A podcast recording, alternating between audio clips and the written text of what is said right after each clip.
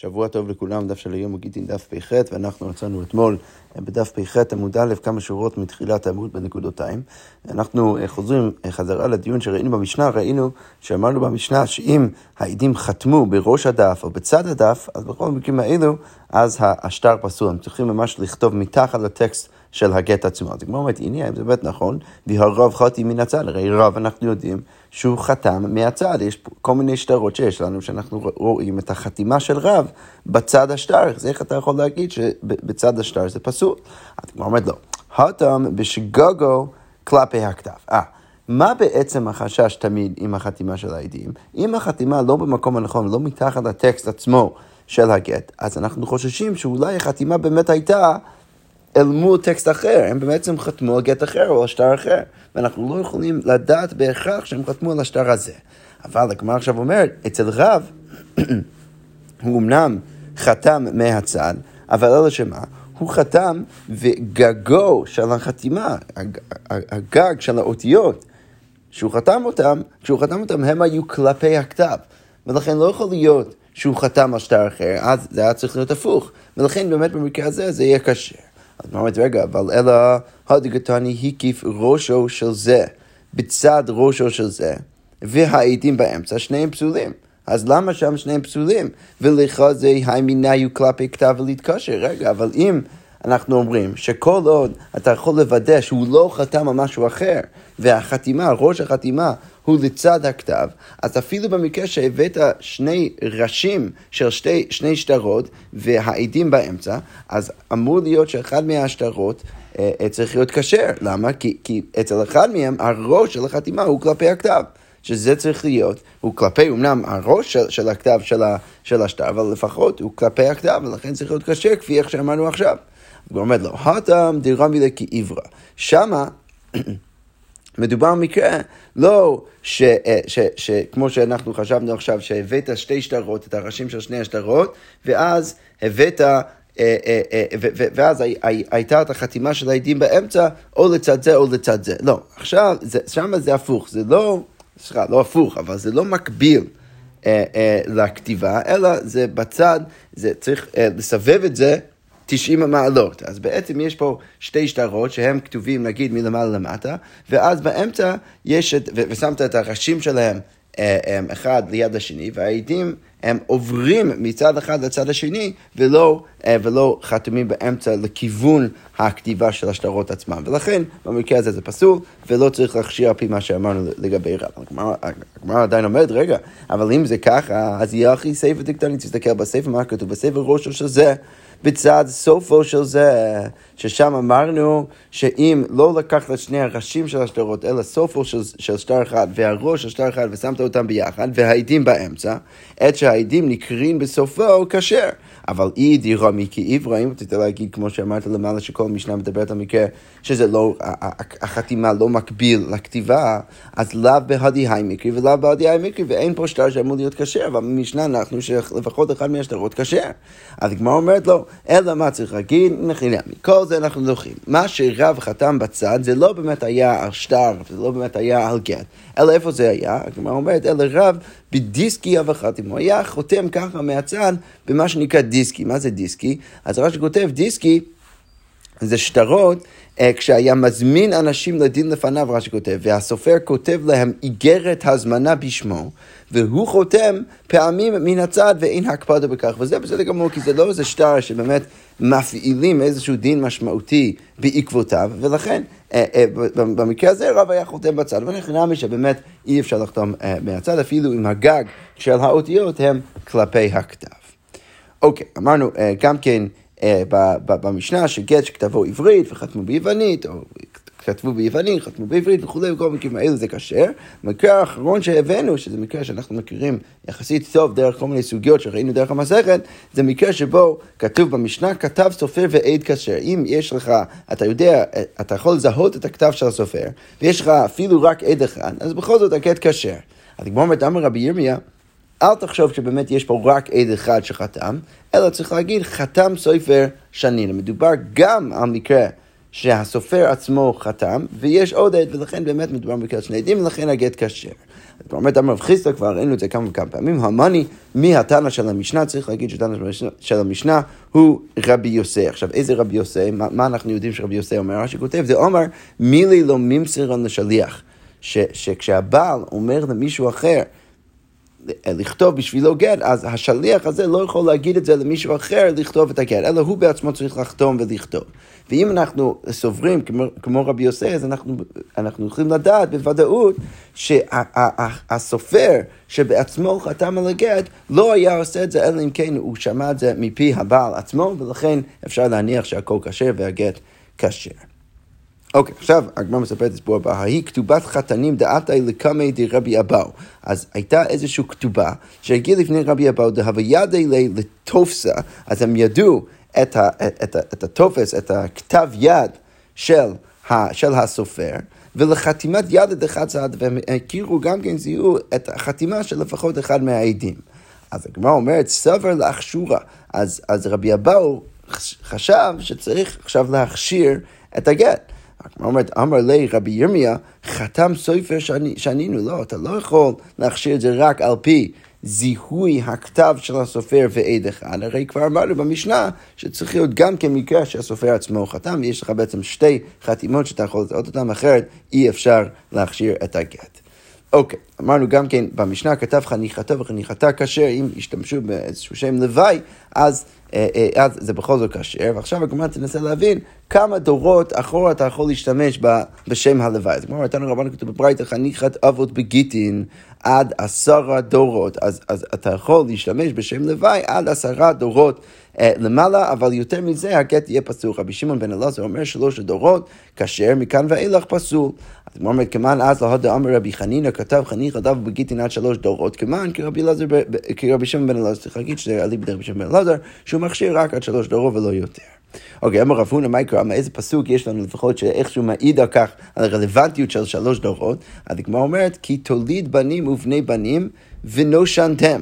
עכשיו, מה הפשט בפסוק? שכשאתה תוליד בנים ונכדים, אז ונושנתם, אז אפשר להגיד, או לפחות הדרשה, אז, אז אתה יכול לחשוב על עצמך כונושנתם, כאילו אתם מיוסדים בצורה מאוד אה, חזקה בארץ. ולכן, אה, אה, ולכן ברגע רש"י כותב, היינו דור שלישי ומכאן ואילך קרא לי בנו של אדם. לכן דרך זה אפשר להבין שזה ככה מייסד את המשפחה, אבל עוד לפני זה, או יותר דורות אה, הלאה, זה כבר, כבר שוכחים את הדורות הקודמים, ולכן רק עד אז אפשר להשתמש בשם הלוואי ולא יותר מזה.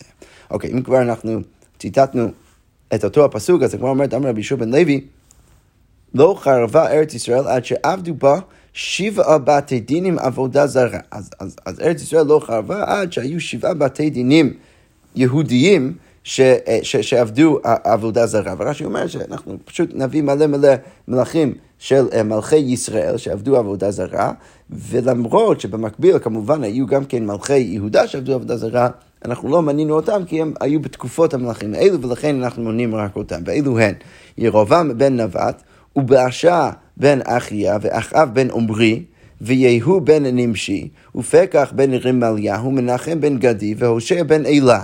שנאמר, מאיפה אנחנו יודעים שהיו דווקא שבעה, אומללה יולדת שבעה, פסוק מירמיהו. אז ההיא שילדה שבעה, עכשיו אה, בצער רב, נפחה נפשה, באה שימשה בעוד יומם, השמש הגיעה יותר מוקדם, בושה וחפרה. אז אפשר להבין מזה שההיא שילדה שבעה דווקא לעבודה זרה, אז בגלל זה הגיעה הגלות, אה, אה, אה, רחמנא ליצלן, וחרבת ארץ ישראל. אוקיי, אמר רב עמי, מה יקרא, איזה פסוק יש לנו להוכיח את הנקודה של רבי יהושע בן לוי. אנחנו ציטטנו עכשיו פסוק אחד, אבל אפשר להוכיח את זה בפסוק אחר, וזה הפסוק שציטטנו למעלה, כי תוליד בנים ובני בנים. אה, ויש אה, אחד מהמפרשים ראיתי שהוא מפרש ככה את הפסוק, כי תוליד בנים ובני בנים, ונושנתם בארץ, והשחיתם, ועשיתם פסל תמונת קול, ועשיתם הרע בעיני השם אלוקיך להכיסו. אז כמה דורות יש לנו, או כמה פעמים יש לנו? יש לנו בנים, שזה אחד ושניים, בני בנים, שלוש, ארבע, נושנתם חמש, השחתם שש, ועשיתם שבע. סליחה, והשחתם שש, חמש, עשיתם שש ועשיתם שבע. אז יש לנו בעצם שבעה פעמים של, של עבודה זרה בתוך הפסוק, שזה ככה מעיד על כך שרק אחרי שבעה בתי דינים שעבדו עבודה זרה, רק אחרי זה חרבה ארץ ישראל. אוקיי, ממשיכה הגמרא ואומרת, אמרו לי רב כהנא ורב אסי דרב, כתיב בי בהושע בן אלה, ויעש הרע בעיני השם, רק לא כמלכי ישראל. וכתיב, וכתיב עליו, וכתיב, סליחה, עליו עלה של מנצר. עכשיו, השאלה היא, למה דווקא על הושע בן אלה עלה של מנצר? הרי הוא אמנם עשה רע בעיני השם, אבל רק לא כמלכי ישראל, הוא לא היה גרוע כמו מלכי ישראל, אז למה הוא קיבל את העונש? אז כמו אומרת, אמר להו, אותן פרדיסאות שהושיב ירבעם על הדרכים כדי שלא יעלו ישראל לרגל. אז היו כל מיני פרדיסאות, רש"י כותב שהם שומרים, שירבעם בן נבט שם אותם אה, בדרך כדי שהם לא יעלו לארץ ישראל לרגל, הוא לא רצה ש... ש אה, אה, סליחה. הם לא יעלו לירושלים, הוא לא רצה שה, ש, שהאנשים ממלכי ישראל יעלו לירושלים ברגל, אז הוא שם אותם בדרך, בא הושע וביטלן, אז הושע ניסה לבטל אותם. אז במובן הזה, הוא, הוא, הוא לא היה רע כמו מלכי ישראל, אבל אלא שמה, ואף על פי כן לא עלו ישראל לרגל. בכל זאת, היהודים לא עלו לרגל, למרות שהיה להם באמת אפשרות לעלות, ובעקבות זה, למרות שלא באמת היה בעקבות הושע, אבל זה כן הדגיש כמה המצב גרוע אה, של עם ישראל, אז בעקבות זה אמר הקדוש ברוך הוא, אותן שנים שלא עלו ישראל לרגל ילכו בשבי. ולכן בגלל זה בתקופה הזאת אה, אה, עלו וגילו את, את עם ישראל מארץ ישראל. כלומר אומרת, אמר רב חיסדא, אמר מר עוקבא, ואמרי לא, אמר רב חיסדא, אמר רבי ירמיה, דרש מרימר, מאי דכתיב וישקוד השם על הרעה ויביאיה עלינו, כי צדיק השם אלוקינו. עכשיו, יש פה אולי קצת סתירה בפסוק, משום דצדיק השם אלוקינו, וישקוד השם על הרעה ויביא עלינו, מה בגלל שהקדוש ברוך הוא כזה צדיק, אז הוא הביא עלינו את כל הרעה הזאת, פסוק מדניאל. זה כמו אומרת, אלא, מה צריך להבין? אלא צדקה עשה הקדוש ברוך הוא עם ישראל. למה? שהגלה גלות צדקיהו. הוא גילה את, את גלות צדקיהו, אבל ועדיין גלות יחוניה קיימת. אבל עוד יחוניה שכבר היה בבבל לפני כמה שנים עם כל התלמידי חכמים שלו, אז הם עוד היו בגלות כשצדקיהו גלה. ולכן, מה, איך זה עוזר? זה פשוט עוזר שכל האנשים שגלו בבבל, הם היו עדיין יכולים ללמוד תורה מהדור הקודם שכבר שם. תכתיב בי בגלות יחוניה, כי כתוב אצל גלות יחוניה, החרש והמסגר אלף. עכשיו, מה, מה הפשט? אז הגמרא אומר, מה הדרש? הגמרא אומרת, חרש שבשעה שפותחים נעשו כל כחירשים, כי הם כל כך חכמים, כל האנשים שם שגדלו איתו לבבל, הם יכולים עכשיו ללמד את כולם את התורה, ומסגר כיוון שסוגרין, מה שכותב, אם הם לא יודעים את דבר ההלכה, שוב אינם פותרים. אז זה לא שהם פותחים שוב, לא שיש איזו התלבטות, אם הם לא יודעים, לא יודעים. אבל זה ככה מעיד על כך, מצד שני, בהפוך על הפוך, שהם הם, הם תמיד יודעים, הם יודעים מתי הם יודעים, מה הם יודעים, את התורה שהם יכולים ללמד, והם יודעים מתי צריך להפסיק את הדיון, וכמה? אלף. אז הגמרא אומרת, וכמה אה, תלמידי חכמים היו שם אה, בגלות יחוניה, אז הגמרא אומרת, היו שם אלף אנשים. ולאמר שהקדים שתי שנים ונושנתם. אז, אז עוד פשט, למה בכל זאת אנחנו קוראים להקדוש ברוך הוא צדיק, למרות שהוא הביא את הרעה בצורה מהירה וגילה אותנו מארצנו. אז הוא לא אומר שזה בגלל, אה, אה, אה, שזה בגלל שהקדוש ברוך הוא הקדים שתי שנים לבנושנתם. מה הפשט? אז רש"י כותב, היינו צדקה שמיהר להביא הרעה לסוף חטא מאות וחמישים. דהיינו שתי שנים קודם ונושנתם. ונושנתם בגימטרי רש"י כותב, זה 250. סליחה, זה 852, והקדוש ברוך הוא הביא את הגלות שנתיים יותר מוקדם. אז איך זה עוזר? אז רש"י כותב, ואם שואו עד ונושנתם היה מתקיים בהם כי אבות טוב ודיום. אם הקדוש ברוך הוא היה מחכה עד ונושנתם, אז הוא היה צריך גם כן לקיים את סוף הפסוק, כי כתוב אבוד טוב ודון. וזה כמובן שהקדוש ברוך הוא לא רצה שיקרה, ולכן הוא מיהר והביא את הגלות, ודווקא יצא יותר טוב. זאת אומרת, אמר ואחא בר יעקב, שמע מינו, מזה מה אנחנו יכולים ללמוד? הרי מה כתוב? באותו הפסוק, אז כתוב, כי אבות טוב עדון מהרה, אז, אז מה, מה הפשט? אז אנחנו לומדים ש... אה, אה, ש, שבעצם אם הקדוש ברוך הוא היה מחכה עוד שנתיים, אז זה היה הולך להיות אבות טוב עדון. אז מה אפשר ללמוד מזה? שמע מינה מהרה דמרי עלמא, אז מהרה של הקדוש ברוך הוא תמני מאה וחמישים ותרתי, ותרתי. סליחה, זה לא קשור לפער, פשוט אנחנו לומדים שאם הקדוש ברוך הוא היה מחכה עד 852 שנה, אז באמת אה, אה, אה, היינו מגיעים לסיטואציה של אבות ודין. עכשיו, מה כתוב בפסוק? בפסוק אבות ודין מהר. עכשיו, אז מה משמע מזה? שמה זה מהר לקדוש ברוך הוא? מהר לקדוש ברוך הוא זה 852 שנה. אוקיי, יפה, בזה סיימנו את הסוגיה על המשנה הקודמת, עכשיו נמשיך למשנה הבאה, והמשנה אומרת ככה, גט מעושה, שזה גט ש, שבעצם מכריחים את הבעל לכתוב אותו, רש"י כותב בחוזקה, או בחזקה. עכשיו, המשנה אומרת, אם עושים את זה על ידי ישראלים שמכריחים אותו לכתוב את הגט ולתת, אז כשר. ובגויים פסול, אבל אם העובדי כוכבים עושים את זה, אז פסול. ובגויים, המשנה אומרת, חובטים אותו ואומרים לו, עשה מה שישראל אומרים לך. אז, אז הגויים בעצמם לא יכולים להיות האלו שמייזמים את זה, אבל אם הם עושים את זה בעקבות הישראלים שאומרים להם להכריח אותו לתת לגט, אז זה יהיה כשר. אז היא אומרת, אמר רב נחמן, אמר שמואל, גט המעושה בישראל אז אם יש גט מעושה בישראל, שהישראלים הוכיחו אותו לעשות את זה, אז אם עשו את זה כדין, מה הכוונה כדין? אם מדובר על גט שאנחנו מכירים בכל מיני מקרים, אם מדובר על מקרה שאנחנו מכירים מה, מהמשניות ומהגמרות, שזה מקרה שבו הבעל צריך לגרש את אשתו ולתת לה גט, אז כשר, אז הכל כשר, וזה הכל בסדר גמור. אבל אם זה שלא כדין, אז הגט פסול, אבל פוסל, אבל זה כן מספיק, אם הוא נתן לה את הגט הזה, זה כן מספיק לפסול אותה מהכהונה, מה שנקרא ריח הגט. אבל ובגויים ובעובדי כוכבים אצל הגויים, כדין פסול. אז אפילו אם עשו את זה, אפילו מדובר במקרה שכדין הוא חייב לתת לה גט, אז זה עדיין יהיה פסול כמו שראינו במשנה, הוא פוסל. אבל זה כן פוסל אותה מהכהונה, אבל שלא כדין אפילו ריח הגט אין בו, אין בו והיא אפילו לא פסולה מן הכהונה. אבל הגמרא אומרת, רגע, יש פה איזושהי בעיה, מה נפשך? אי גויים בני עשוי איננו, אם הם יכולים באמת לעשות גט מעושה כשר, אז התקשרו אינם מלהתקשר, היינו צריכים להכשיר את זה עד הסוף. למה אנחנו פוסלים את הגט, אבל כן אומרים שהיא פסולה מן הכהונה? ואי לאו בני עשוי ואם הם לא יכולים לעשות את זה, אז מפסל לא לפסול, זה לא אמור בכלל לפסול אותם מהכהונה. אז הגמור אומרת, אמר רב משעשיה, דבר תורה, גט מוסר בגויים כשר. לא, מדאורייתא זה באמת כשר. ומה הטעם אמרו פסול? למה אמרו שזה פסול? שלא תהיה כל אחת ואחת הולכת ותולה עצמה באיזה גוי. אז היא, היא תלך לאיזה גוי, היא רוצה להתגרש, היא תגיד לו, עכשיו, אני אביא לך קצת כסף ותכה את בעלי עד שהוא יביא לי גט, ומפקד עצמה מיד בעלה. כדי למנוע מסיטואציה כזאת, אנחנו תמיד אומרים שהגט מוסר על ידי גויים הוא פסול. אבל לא שמע, מדאורייתא הוא כשר, ולכן לפחות צריך להגיד שהיא פסולה מן הכהונה. אבל כמו אמרת, רגע, אי הכי, בוא נסתכל על הצד השני של הדין. מה אמרנו? שלא כדין, אפילו הגט אין בו. וניהבי שלא כדין כי יפסול מפסל נמי לפסול, זה אמור לפחות לפסול מהכהונה, כמו דיני ישראל, כי מדאורייתא זה באמת גט.